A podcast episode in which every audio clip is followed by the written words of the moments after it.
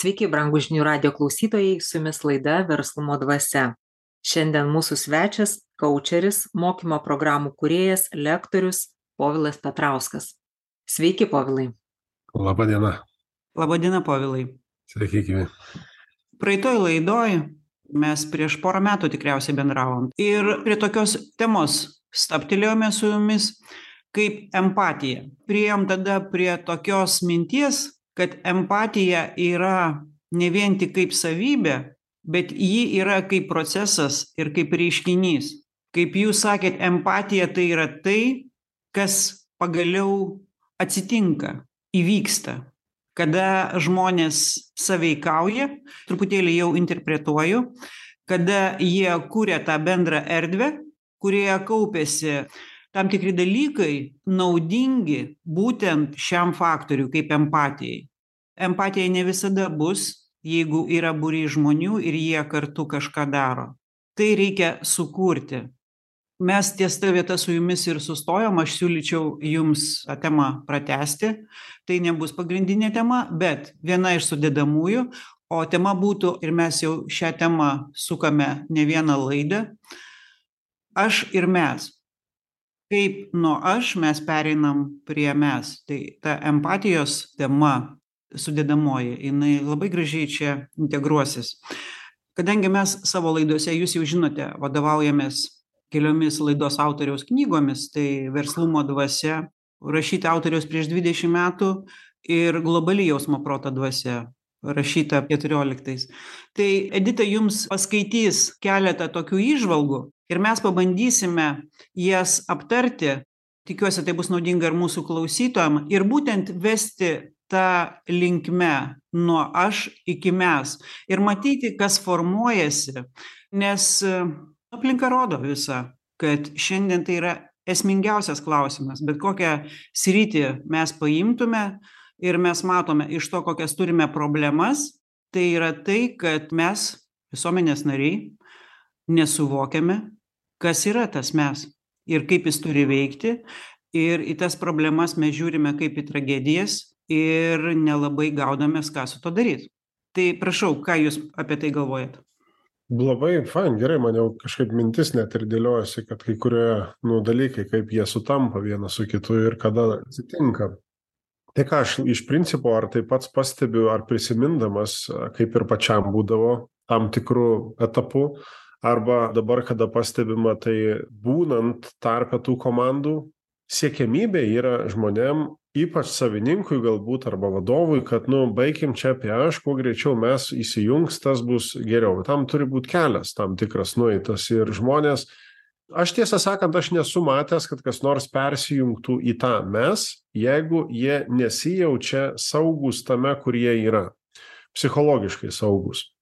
Galintys išsakyti laisvai savo nuomonę nesukdami sau galvos apie tai kad kažkas apie juos nu pagalvos kažkaip ne taip kad kad tu čia šneki čia ne taip yra pas mus ar dar kažką tai panašaus.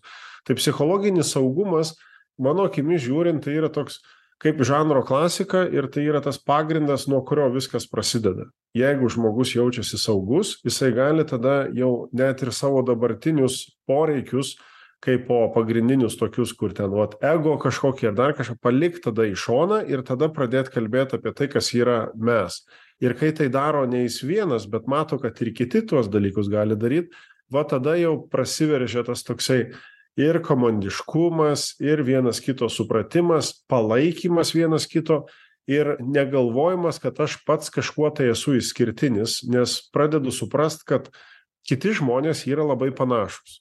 Turi dėl kažko tai baimių dėl kažko gėda nori kad kažkas kažko tiksliai nesužinotų nu iki galo ne viską nori atskleist ir jaučiasi tame ramūs nes kiti tokie patys yra.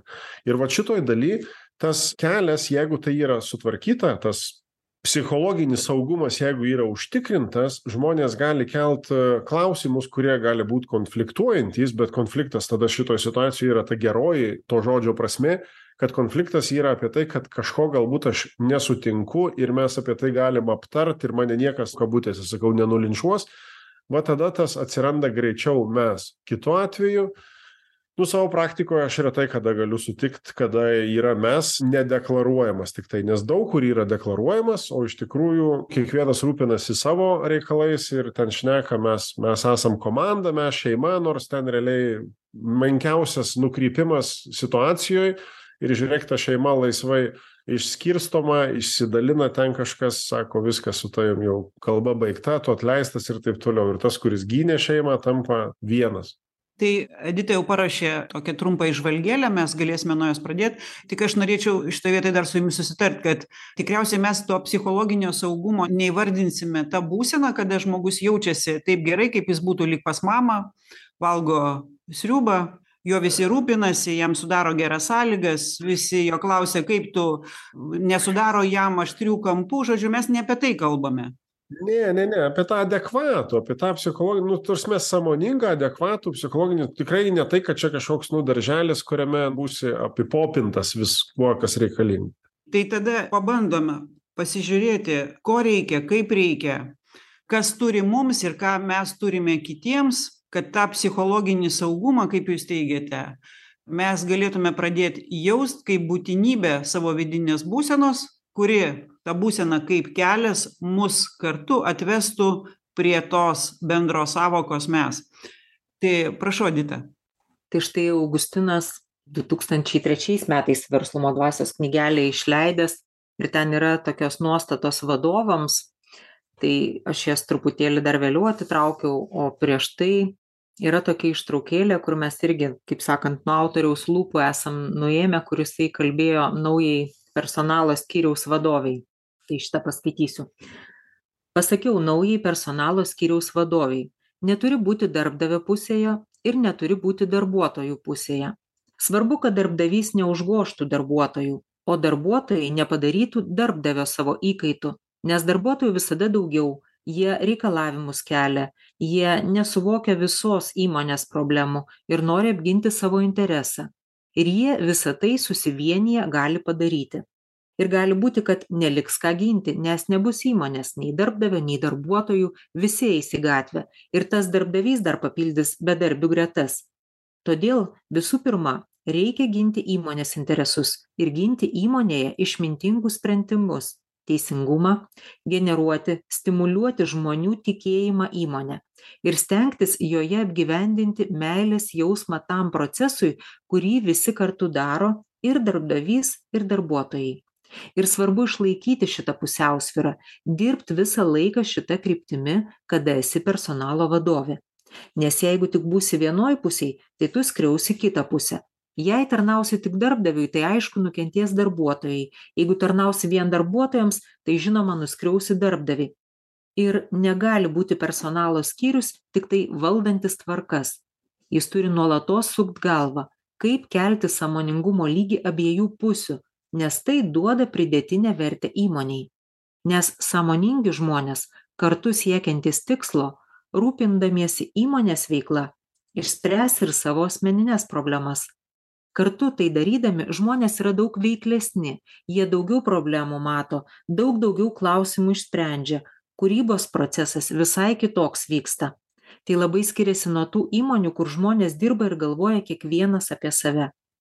Čia kalbame apie dėsnį kad norint išspręsti asmenines problemas reikia pradėti rūpintis kitais.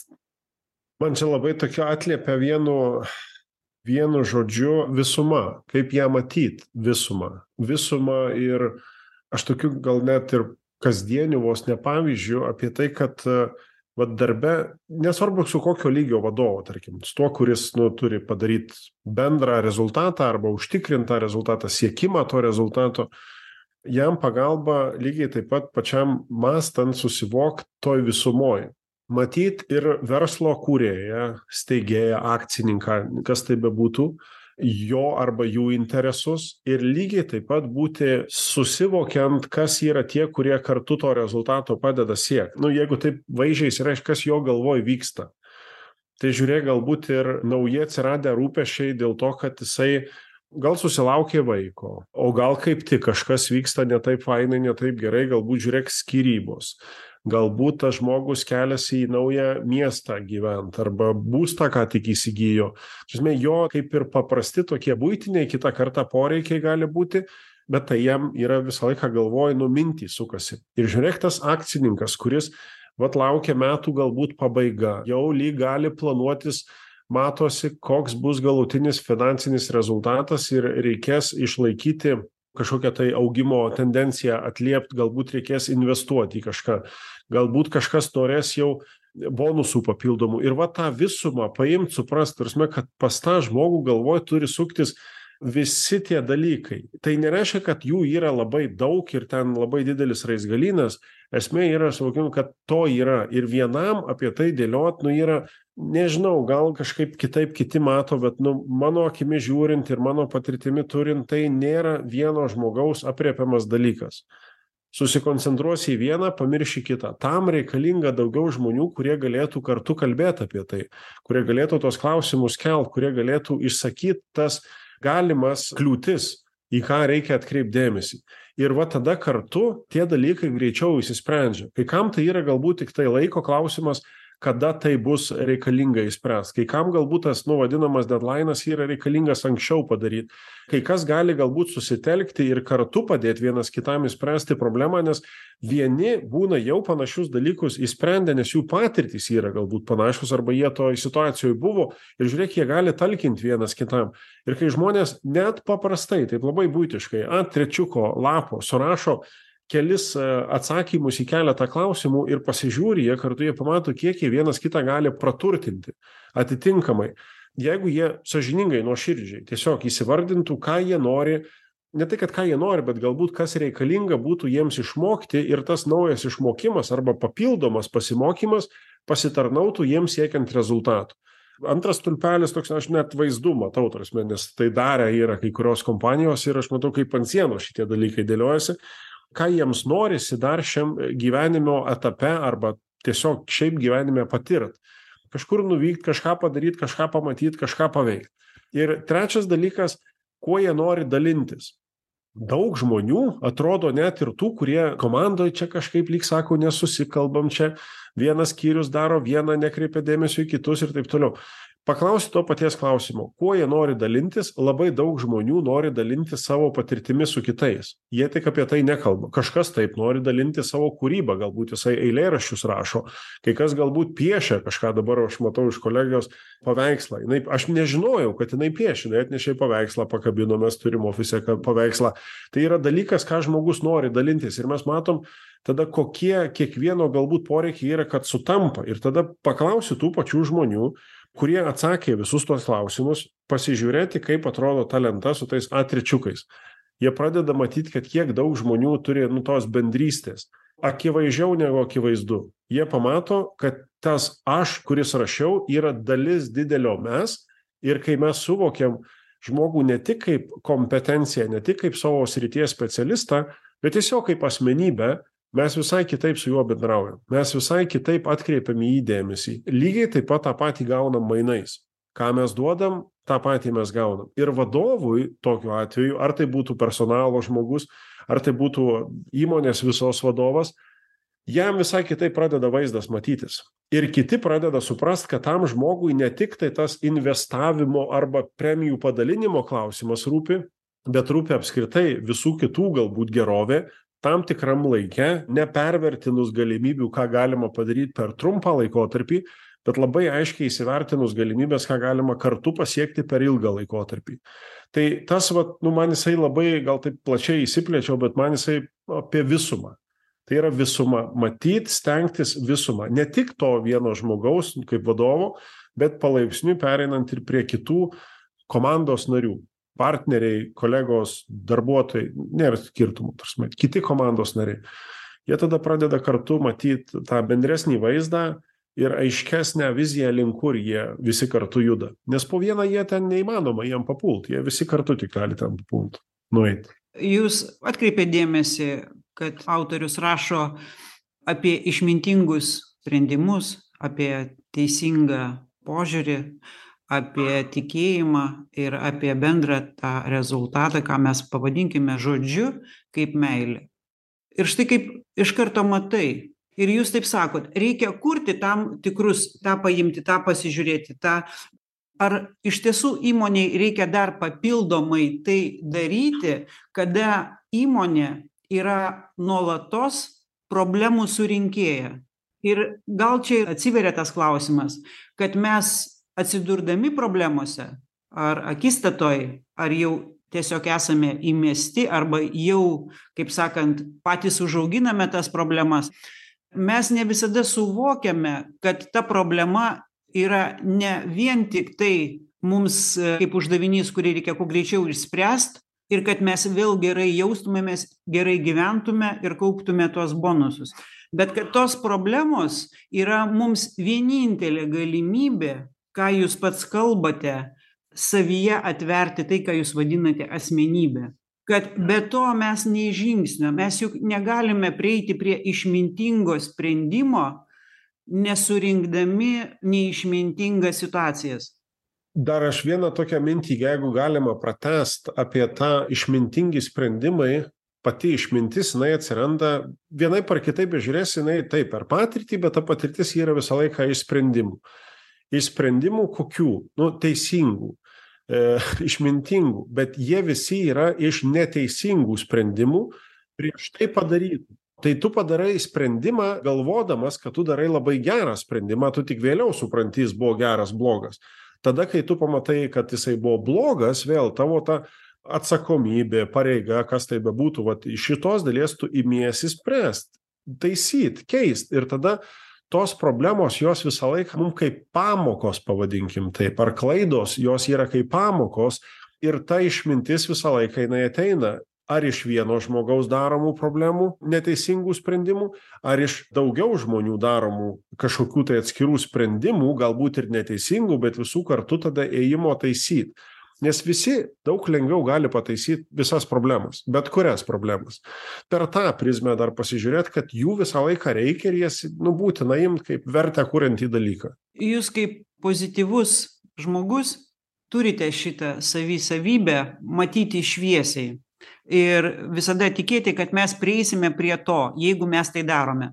O štai paimkime ir pasižiūrėkime iš mūsų laidos autoriaus per jo ilgą patirtį surinktas situacijas kaip jisai rodo kokie gali būti vadovai ir ne kokie gali būti bet kokie jie yra neigiamas aspektas ir teigiamas aspektas juoda ir balta kaip mes sakom tas dualumas tai yra taip persipynę kad vieną atskirti nuo kito negalime. Ir kaip mes kalbame apie išmintingus sprendimus mes visada atsidursime toje neišmintingoje situacijoje kad mumyse kažkas kartu užaugtų kad mes galėtume prieiti prie to išmintingo sprendimo ką ir laidos autorius linki tai personalo vadovei būsimai. Ne tai kad tu dabar tai daryk arba tau tai reikės daryt bet kaip jūs teisingai sakot ta visuma ir tai lyg programa tas siekimas į ką mes kartu eisime. Tai prašau edita iš knygos verslumo dvasia.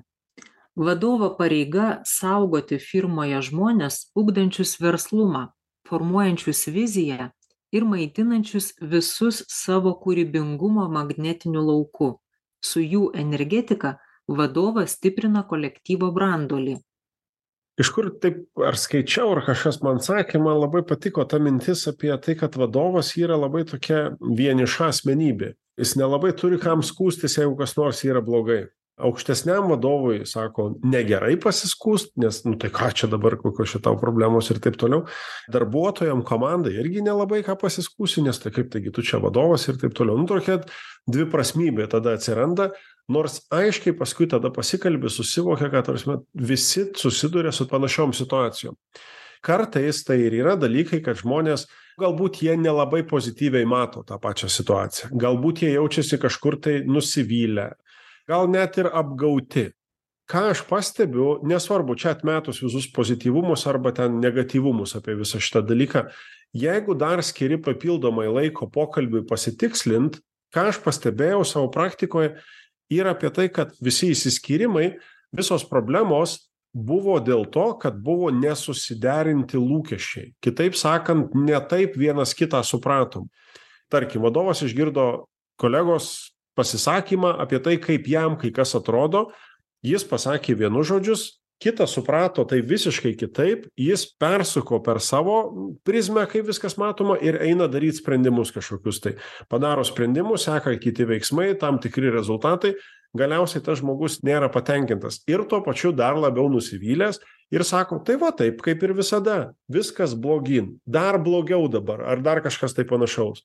Trūko vieno papildomo pokalbio, vieno papildomo pokalbio, kur būtų adekvačiai įvardinti dalykai, be jokių užslėptų minčių dalykų, kad vat, kažko nepasakiau iki galo ar dar kažką panašaus. Atvirai. Atviro nuoširdaus pasikalbėjimo iš abiejų pusių. Ne tai, kad tu man pasakyk, aš čia kažkur bandysiu kažką tai pritaikyti, arba aš kažką galbūt ne viską pasakysiu, būk tai tu susiprasi jau. Tai vad, kai tas žmogus, abu tie žmonės arba grupė žmonių atvirai apie šitus dalykus pasikalba, po mažus, mažus tokius signalus pradeda matyti, kad net tas, kuris buvo truputėlį negatyviai nusiteikęs, jis pradeda matyti, kad įvyksta pokytis. Jeigu po kažkurio tai laiko atitinkamai, pas vienus galbūt po savaitės reikės to kito pokalbio, pas kitus po mėnesio reikės to pokalbio, jeigu jie vėl kartu kalbasi ir mato, kad iš to, ką kalbėjo, buvo daromi kažkokie tai sprendimai, buvo daromi kažkokie tai konkretūs veiksmai, kad ir maži. Bet buvo pastebėta, kad kitam žmogui, kuriam tu išsakėjai savo galbūt negandas, iš tos informacijos, kurią turi tokius sprendimus darydamas, nes nu tiesiog neturėjai visos informacijos, tu pradedi matyti, kad o kažkas įvyko, kreditas to pasitikėjimo jisai vis didėja, vis auga, bendradarbiajimo procesas jisai tampa labiau matomas, labiau suprantamas ir labiau norimas prie jo prisidėti. Kitaip sakant, tie žmonės, nesvarbu, kurioje tai pusėje, darbuotojas, darbdavys, nėra skirtumų, jie būna labiau įsitraukę į procesą. Jie pradeda matyti, kad vienas kitam pradeda rūpėti ir vienas daro ir dėl savęs, ir dėl kito. Ir tada kartu gaunasi, o taip, la, tai jau čia mes darome. Ir kas pastebima, tas žmogus, kuris iš savo turimos patirties ir jinai yra labai brangi, labai turininga, jeigu net tas matymas yra labiau ne pozityvus, bet tas negatyvus, tai tiesiog yra toks būdas, kaip jisai tai mato ir tai nereiškia, kad taip bus visada. Jo tiesiog tokia patirtis. Jis taip išmoko, jis taip matė, jis turėjo tokius pavyzdžius. Ir pradeda kažkas keistis, pradeda keistis apie mažiausius dalykus. Sako, viskas blogai. Nu, bet iš to viskas blogai, kažkas yra mažiau blogai. Ir tą mažiau blogai kažkiek galim patvarkyti.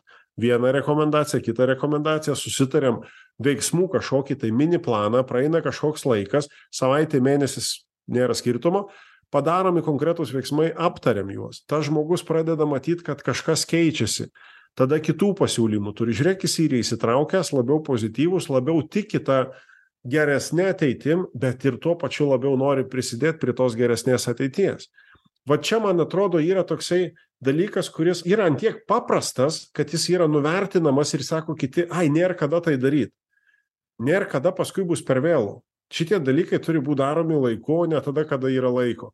Ačiū povilai, stapelkime reklamai, mėlyžinių radio klausytojai. Po reklamos lauksime jūsų antroje laidos dalyje.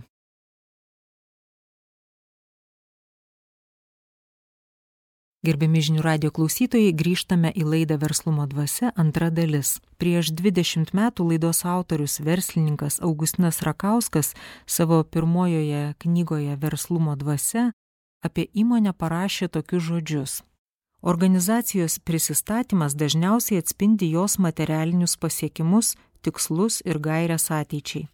Tačiau tai tik nuogi skaičiai, neparodantis įmonės vidinio tobulėjimo proceso ir neatskleidžiantis jos sielos. Mūsų vidinės nuostatos pasilieka už skaičių, tačiau jų vertė įmonės ir žmonių vystimuisi yra daug svarbesnė. Todėl dabar yra tinkamas metas pakalbėti apie šią nematomą pusę. Tegul tai būna verslių žmonių širdžių kalba. Todėl šiandien mes kalbame su mūsų svečiu, kočeriu, mokymo programų kuriejų, lektoriumi Povilu Petrausku ir bandome aptarti įžvalgas iš šios knygos ir per jas pamatyti, kaip kinta įmonėje požiūris nuo aš iki mes. Tai tęsiam laidą citata iš knygos Verslumo dvasia. Vadovas turi mokėti naudotis savo dirbančiųjų intelektiniu ir dvasiniu potencialu. Kiekvienam suteikiama galimybė surasti savo vietą įmonėje, įdant kiekvienas, atskleisdamas savo sugebėjimus, galėtų realizuoti save įmonės tiksluose. Teisingiausiai ir pasakyta, vat, nu tais mažais žingsniais pradeda kiekvienas įsitraukti, realizuoti savo tikslus tokiais dviem aspektais paėmus. Yra labai geri pokalbiai kuomet dialogas vyksta tarp vadovo ir komandos nario pasitikslinant visą laiką apie tą bet tai yra dialogas. Ne tai kad tai yra iškvosti atsakymą bet tai yra nu tiesiog pasikalbėjimas koks yra mūsų bendras tikslas? Vaizdžiai kalbant kur link mes kartu judam? Kur mes link judam kaip organizacija kaip įmonė kaip komanda? Ir tuo pačiu pasakyt savo mintį ir išklausyt to kito žmogaus kaip jie mato tą pačią kryptį. Ir labai svarbu atkreipti dėmesį kad būtina pasitikslint koks yra jo tikslas. Nes organizacijoje žmonės esantys turi ne tik tai organizacinių tikslų jie tuo pačiu turi savo asmeninių tikslų kuriuos gali pasiekt jeigu visa komanda pasiekia tikslus. Tai gali būt buitiniai kažkokie tai dalykai tai gali būt labai materialūs fiziologiniai fiziniai kažkokie tai dalykai su sveikata susiję kas tai bebūtų. Bet tam darbe toj organizacijoj toj įmonėj toj komandoj jie siekdami prisidėdami prie bendro tikslo gali padėt sau pasiekt savo tikslą. Ir atvirkščiai siekdami savo tikslo labai gali prisidėt prie organizacijos tikslo. Va tokie pokalbiai jie nu jie tuos dalykus labiau įgalina padaryt.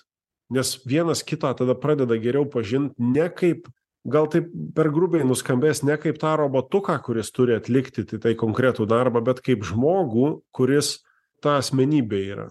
Kuris turi labai aiškius savo poreikius net tiem patiem tikslam pasiekt įrodyt kažką. Galbūt jam tuo metu to reikia įrodyt. Ir žiūrėk jisai tai padarys su tavo kaip vadovo pagalba.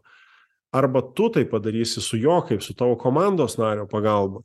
Vat iš šitos dalies yra toks atrodo mes su savo geriausiu draugu dalykus taip šnekam dėliojamės bet pamirštam vieną paprastą reikalą kad mes nu tą galim padaryt tokį mini testą. Žmonės kurie turi geriausią draugą atsakydami į klausimą kodėl tas žmogus yra jų geriausias draugas pradeda vardint dalykus kaip panašiai mąstom jis mane supranta jis moka padėt jis ten pozityvus ar kažkoks tai nu kas man tinka.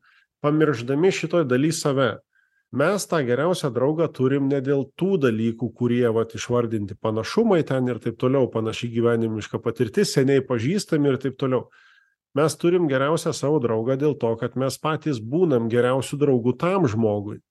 Ir šitą aspektą pasėmus tada nu atrodo labai paprasta pritaikyt ir organizacijose įmonėse versluose komandose ir taip toliau. Pats būk tuo pastoviai tu gausi panašų dalyką atgal. Ir kai tai vat vyksta tie tokie paprasti nuoširdūs kalbu ne tie buitiniai tokie žinai ai reikia pašnekėt tai pašnekam bet tie pokalbiai kur tau tikrai yra įdomu tau svarbu šitas tau rūpi tada tie pokalbiai vat įgalina žmones siekt tų ir asmeninių tikslų ir bendrų komandos tikslų.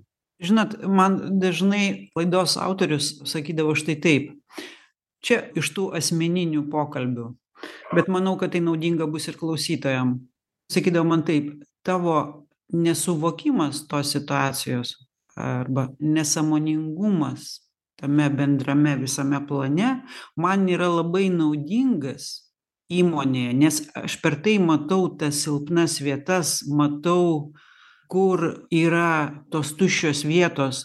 Galima tada numatyti tas būsimas klaidas ir tą rezultatą jeigu taip ir taip. Ir kitas momentas. Kaip tai galima išnaudot bendrai kad iš tų vietų sukurti tą dvasinį bonusą. Ką jūs į tai? Aš tai labai tam pritariu kad šitas dalykas yra tiesiog gal užvadinčiau tokia tai kas yra priešinga baimei nes kai žmonės apsikalba apie tai kokios yra problemos arba tas nesuvokimas iškeliamas į paviršių ir nežinau ką daryt dažnas toksai lieka oi tai nežinau ką daryt bijau nedarysiu geriau neliesiu. Bet priešinga baimei kai kas vardina kad priešinga baimė yra tiesiog drąsa nu aš turiu kitą mintį priešinga baimei nėra drąsa mano taip gal subjektyvių požiūrį, tai priešinga baimė yra meilė. Ir kai žmogus veikia iš meilės, jis yra ir drasus, ir jis supranta, kad kai kurie dalykai reikalingi drąsiai pasielgti ir drąsa šitoje situacijoje yra bijau, bet viską įvertinu, vis tiek einu darau.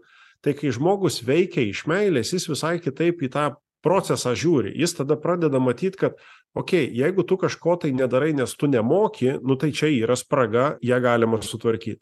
Jeigu tu kažko tai bijai, nes tu prieš tai padarai klaidų, tai žiūrėk, galbūt yra tam tikra, vadinkim tą žodį, sistema, kuri taip vyksta pas mus ir galbūt tos klaidos yra pasikartojančios ir tada nebe žmogus kaltas už tai, pavadinkim taip ne gal kaltas, bet atsakingas, bet atsakinga sistema arba jos nebuvimas, arba klaidinga sistema, kuri garantuotai tau sukurs tą patį rezultatą ir kitą kartą, jeigu tu jos nepakeisi, nesutvarkysi.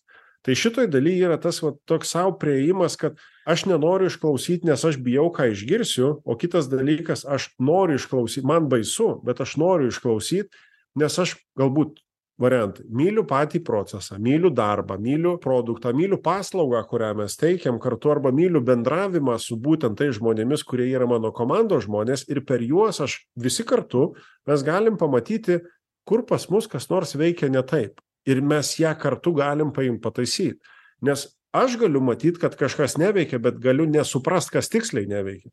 Bet žmogus kuris yra to dalis jis man pirštu parodys kur pas mus sistemoj klaida yra ir mes ją kartu galim pataisyt tai va ta klaida per tą baimę kitą kartą yra labai didelė dovana ką mes galim padaryti dėl pačio proceso geriau. O čia žiūrėk ir klientas tada laimingesnis. Ir jis jau rekomenduoja ir jis kitiem pasako apie mus. Nu mes eilę dalykų vienu metu sprendžiam. Edita paskaityk tas vietas kur dabar mes kaip tik priėjome kaip yra svarbu išnaudoti tą minusą apie netinkamas vadovo savybes prašau netinkamas vadovas kuris tik reikalaudamas žlugdo pavaldinį užmaskuodamas savo pasyvumą ir nežinojimą. Man taip norisi vis jaust arba žinot tokį dalyką kad vis mažiau tokių vadovų yra kad vis daugiau tų kurie nesistengia užmaskuot nes tai bet kuriuo atveju visą laiką išlenda į paviršių. Viena ar kita forma išlenda į paviršių. Paskui kitas pasistebi kad dažnai žmonės suprasdami ką iš tikrųjų daro vadovas labai nenori būt vadovu. Kitaip sakant jie nori vadovo pareigybės bet nenori vadovo atsakomybės. Nors šita atsakomybė yra irgi visų kaip sakoma bendrai galima sutvarkyt. Kažkas turi žengt tą žingsnį padaryt konkrečius dalykus prisiimt tą atsakomybę ir tai yra tiktai kelionės dalis. Tiktai tam tikras etapas paskui kitas gi supranta kad okei jis galbūt nenori daryt tam tikrų dalykų bet jisai geba gerai padaryt kitus užtikrint kitus procesus.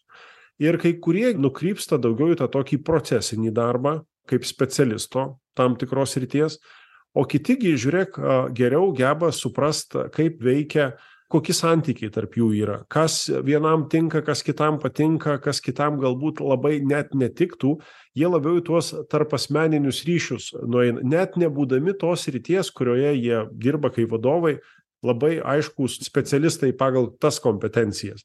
Bet labai geri tarpusavio ryšių specialistai kaip žmonių specialistai. Ir žiūrėk jisai yra tas vadovas pas kurį galima ateit ieškot sprendimų nes jisai nebėgs nuo atsakomybės bet esmė yra tai kad įsitraukę bus visi vienodai. Nu visi šimtu procentų.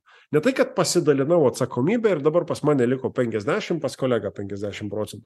Ne ne. Aš pasidalinau atsakomybe ir pas mus abudu yra po šimtą procentų. Mes kartu einam tą daryt. Tas toksai nebėgimas nuo viso šito dalyko jisai yra paskui paprasta suprasti ir tą galima nu lengviau daryt. Kai žino kiti. Netinkamas vadovas kuris neįdėdamas savo asmeninių pastangų iš nemokančių darbuotojų reikalauja geresnių rezultatų. Aš neatsiminsiu vienos pavardės bet man atrodo tai buvo jungtinės karalystės kažkurios sporto šakos treneris.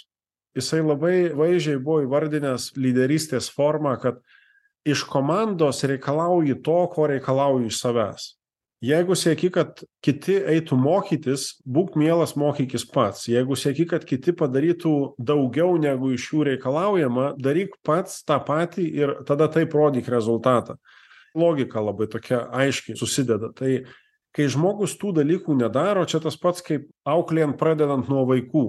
Jeigu aš rūkau ir savo vaikams neleidžiu rūkyti, nes tai yra nesveika, tai aš realiai sakau vieną, bet darau kitą. Tai jeigu lygiai taip pat aš sakau, kad būkite pareigingi darbe, reikalavimas yra toks, būkite pareigingi, laiku atlikit savo darbą, bet pats niekada to nepadarau, tai aš negaliu, aš net nekalbu apie reikalavimą. Aš kalbu apie tai, kad nėra ko tikėtis, kad bus laiku padaryti tam tikri darbai, jeigu aš visai kitokį pavyzdį rodau. Apie mokymąsi lygiai taip pat. Aš turiu tokių pavyzdžių, kur mes kitą kartą kalbam su vadovu, organizacijos vadovu ar net kartą savininku ir jisai sako, mano kolektyvą reikia išmokinti to ir to. O ar pats tą moki? ir du scenarijai. Žmogus, ne, aš to nemoku, bet man to nereikia, nes aš mokausi kitus dalykus. Čia yra tas pozityvus geresnis, nes čia tik tai detalės yra susitikrin. O kitas vardinimas į tai, kad tai jau man nereikia nieko mokytis, dabar čia jiem reikia mokytis.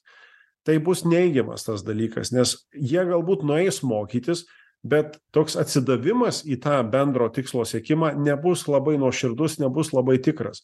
Ir labai lengva palyginti du tuos tokių tipų vadovus.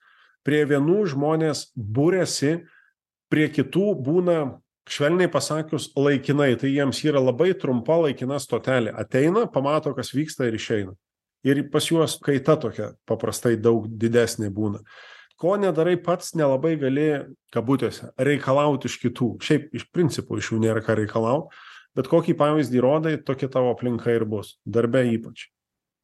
Vadovas, siekdamas bendro sąmoningumo, skatina visus reikšti savo nuomonę, išsakyti nepasitenkinimą esamą padėtimi.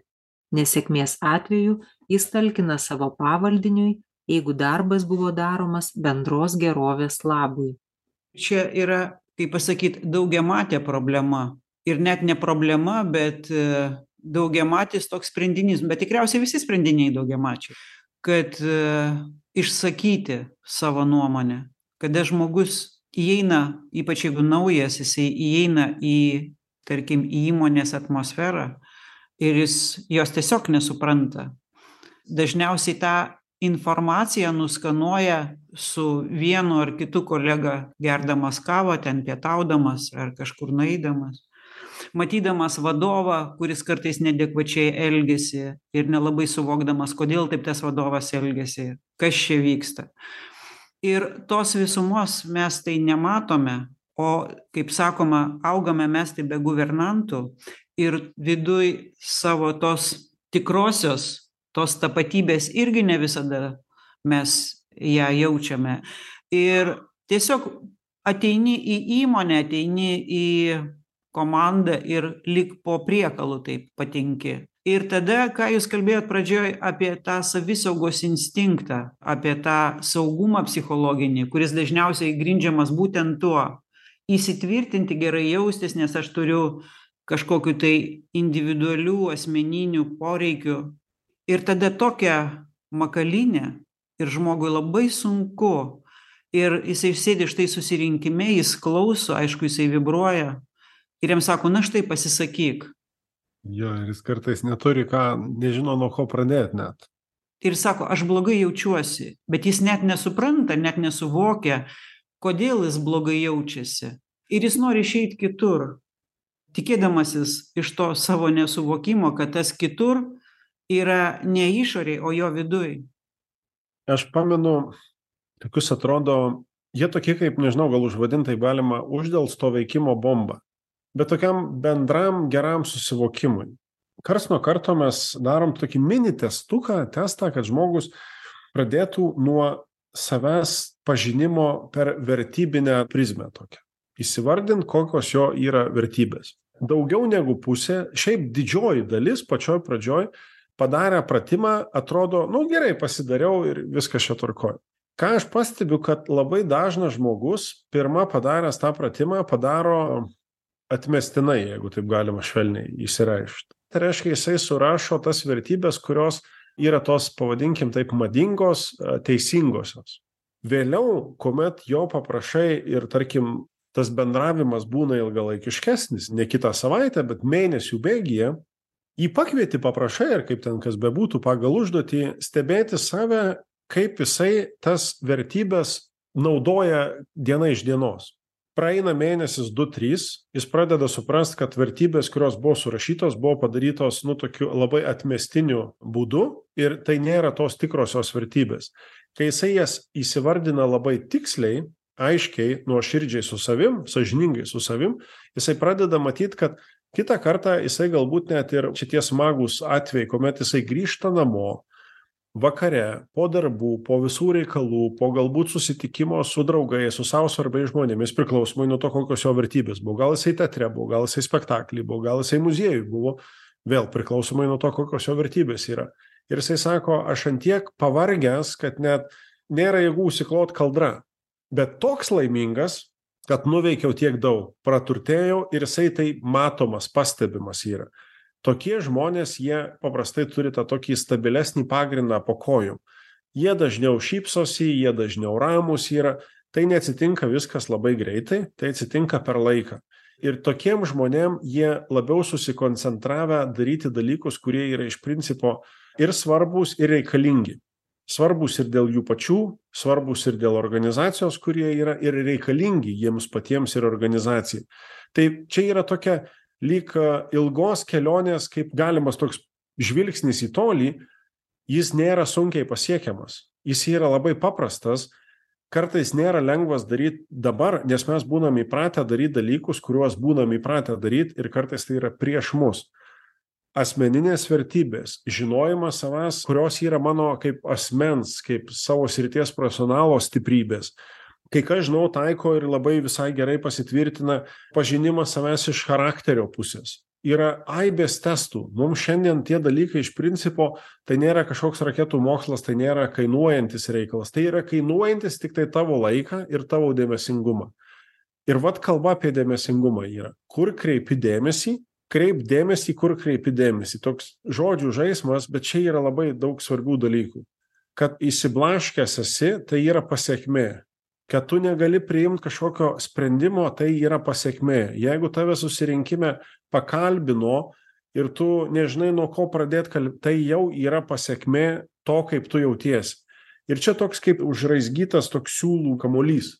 Ir atrodo patraukį nesivinioja. Ir vat po tą mažą mazgelį skirt laiko susitvarkyti, skirt laiko susitvarkyti. Aš atsimenu save, tarkim, 20 plus metų atgal, man šitie dalykai nebuvo aktualūs iš principo. Vėliau po tam tikrų įvykių, patirčių, kažkokių tai praradimų, nusivylimų, nutikimų, jie pradeda visai kitai prasme savo turėti. Ir tai nėra apie tai, kad kažkas tai sensta ar dar kažką tai panašaus. Kitokia branda ateina pa žmogų, kai tu jo pradedi šitų dalykų klausinėti arba prieinam prie tos situacijos, kai jisai pats savęs šitų dalykų pradeda klausinėti, ta branda pradeda sužaisti tokį labai reikšmingą vaidmenį. Žmogus pradeda labiau susiturėt su savim, supras save ir suprast, kaip jisai pats yra dalis tos situacijos, kuri čia yra, dalis tos komandos, kuri yra galbūt, o, gerai susidirbusi, tu esi to dalis. Dalis komandos, kurie visą laiką vyksta kažkoksai kipišas, meniškai žiūri, niekas apie mes nekalbam, visi tik aš, aš, aš, tu esi to dalis. Va čia yra pasiekmė. Ir jeigu prasideda tie maži žingsniai susivokti savo, tu rodai pavyzdį kitam, kitas pagauna tą gerą į tokį virusiuką, gerų virusų užsikrečia, va tada prasideda pasikeitimas. Tada mes pradedam ir save gerbti, ir kitus gerbti, save vertinti, kitus vertinti. Ir tą organizaciją, kurioje mes esam, pradedam visai kitaip vertinti. Nes blogiausia bėda yra turbūt tada, kai jisai moja ranka ir sako, nieko čia nebus, išeina iš darbo ir nueina į kitą, kabutėse, kabinetą, kitą įmonę, kur realiai vėl spręs tas pačias problemas. Jūs labai gražiai išryšot praeitos laidos tą mintį, bent aš taip išgirdau, kad empatija tai yra viso bendro proceso ta viena iš sudėdamųjų vidinės būsenos, kuri pasireiškia pirmiausia pagarba pačiam savo, kad aš nemoku, nežinau ir prie viso to aš esu gyvas, aš esu gerbtinas.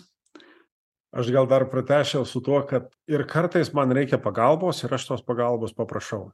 Ir tada dalykai sprendžiasi. Mes turim labai gražią tradiciją visuomet paprašom kad mūsų pašnekovai palinkėtų mums mūsų klausytojams kažką kas yra labai labai aktualu jiems patiems ir visuomenei šiuo metu Jeigu tai būtų su palinkėjimu per brūkšnelį tokia kaip rekomendacija, mano palinkėjimas būtų toksai truputėlį metaforiškai kalbant, bet atsisuk daugiau į vaikus. Į vaikus ir atkreip dėmesį į jų smalsumą. Koks vaikas yra smalsus ir koks jisai tuo pačiu yra užsispyręs siekti tai, kas jam yra svarbu.